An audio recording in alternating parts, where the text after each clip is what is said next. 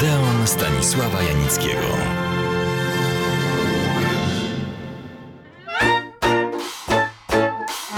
Prawdę mówiąc, nie wiem od czego zacząć. Że była wspaniałą i konsekwentną przez całe swe życie antygwiazdą. Że mimo to otrzymywała najwyższe, najbardziej cenione w świecie filmu nagrody, dwa Oscary i dziesięć nominacji. Nagrodę nowojorskich krytyków filmowych.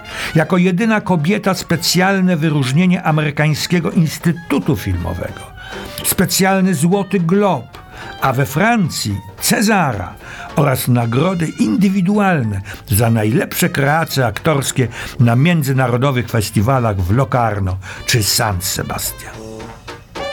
Elegancko, spokojnie, ważąc słowa, pisano, że wcielała się zarówno w postaci kobiet ambitnych, pozbawionych skrupułów i bezwzględnie dążących do wyznaczonego celu jak i cierpiących, porzuconych i rozczarowanych miłością.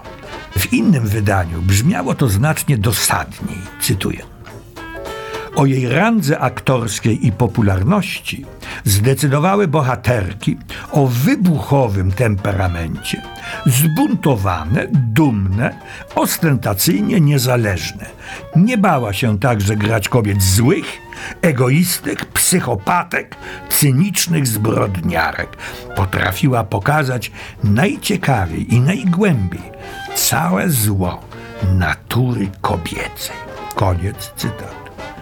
Na razie powiem krótko i oględnie, że w życiu zawodowym i prywatnym też nie była aniołem. O kim mówię? O jednej z największych i najoryginalniejszych aktorek kina nie tylko amerykańskiego, ale i światowego. O Betty Davis.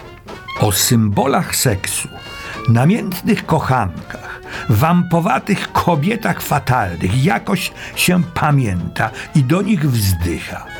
Zaś aktorki takie jak Betty Davis idą w zapomnienie. Są zbyt samodzielne, moralnie dwuznaczne, nie błyszczą łatwą, często tandetną urodą. Nie będę tego rozstrzygał. Zajmę się przedstawieniem tego fenomenu, tego zjawiska, jakim była Betty Davis. Po odebraniu w 1935 roku swego pierwszego Oscara za film Kusicielka powiedziała: Sprawiło mi to prawdziwą przyjemność. Tym bardziej, że obecni byli przy tym ludzie, którzy jeszcze nie tak dawno temu nie chcieli mnie widzieć, ani nawet rozmawiać ze mną, którzy nie wierzyli, że mogę grać dobrze, nawet bardzo dobrze, jeśli oni mi to umożliwią. Słuchacie Odeonu Stanisława Janickiego w RMF Classic. Betty, a naprawdę Ruth Elizabeth Davis, urodziła się 5 kwietnia 1908 roku w amerykańskim Lowell, małym miasteczku. Rodzice rozwiedli się, kiedy Betty miała 7 lat. Dzieciństwo Betty, miała ona jeszcze siostrę, Bobby, było bardzo urozmaicone i ruchliwe. Jak sama powiedziała, dzieje naszej rodziny brzmią prawie jak przewodnik cyrkowy.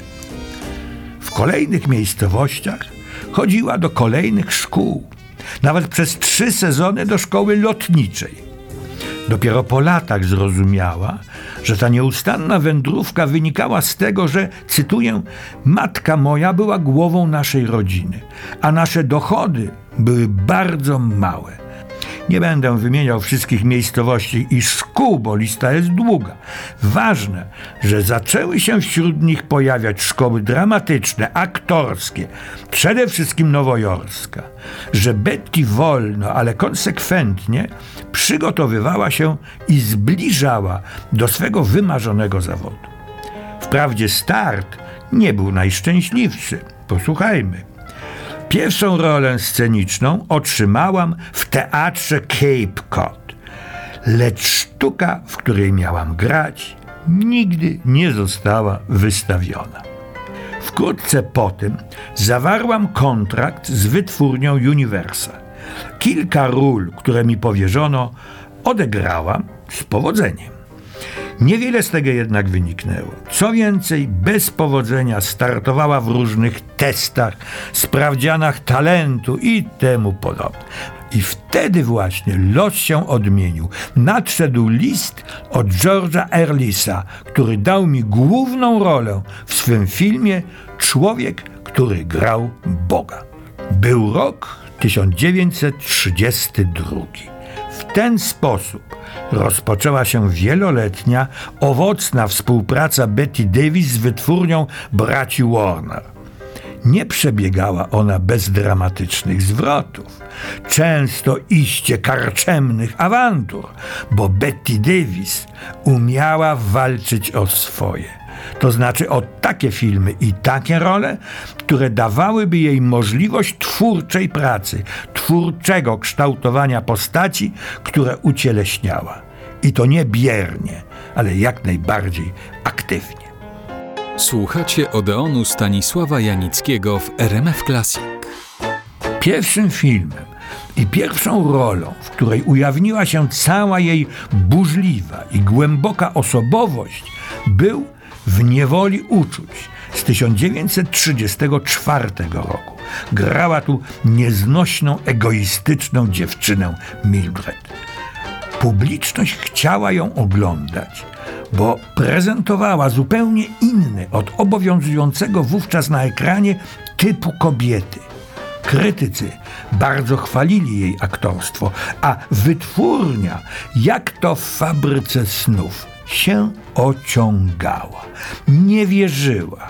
Chyba nie w jej talent, bo tak ślepi hollywoodzcy bosowie nie byli, ale w jej zdolność pełnienia funkcji kolejnej gwiazdy.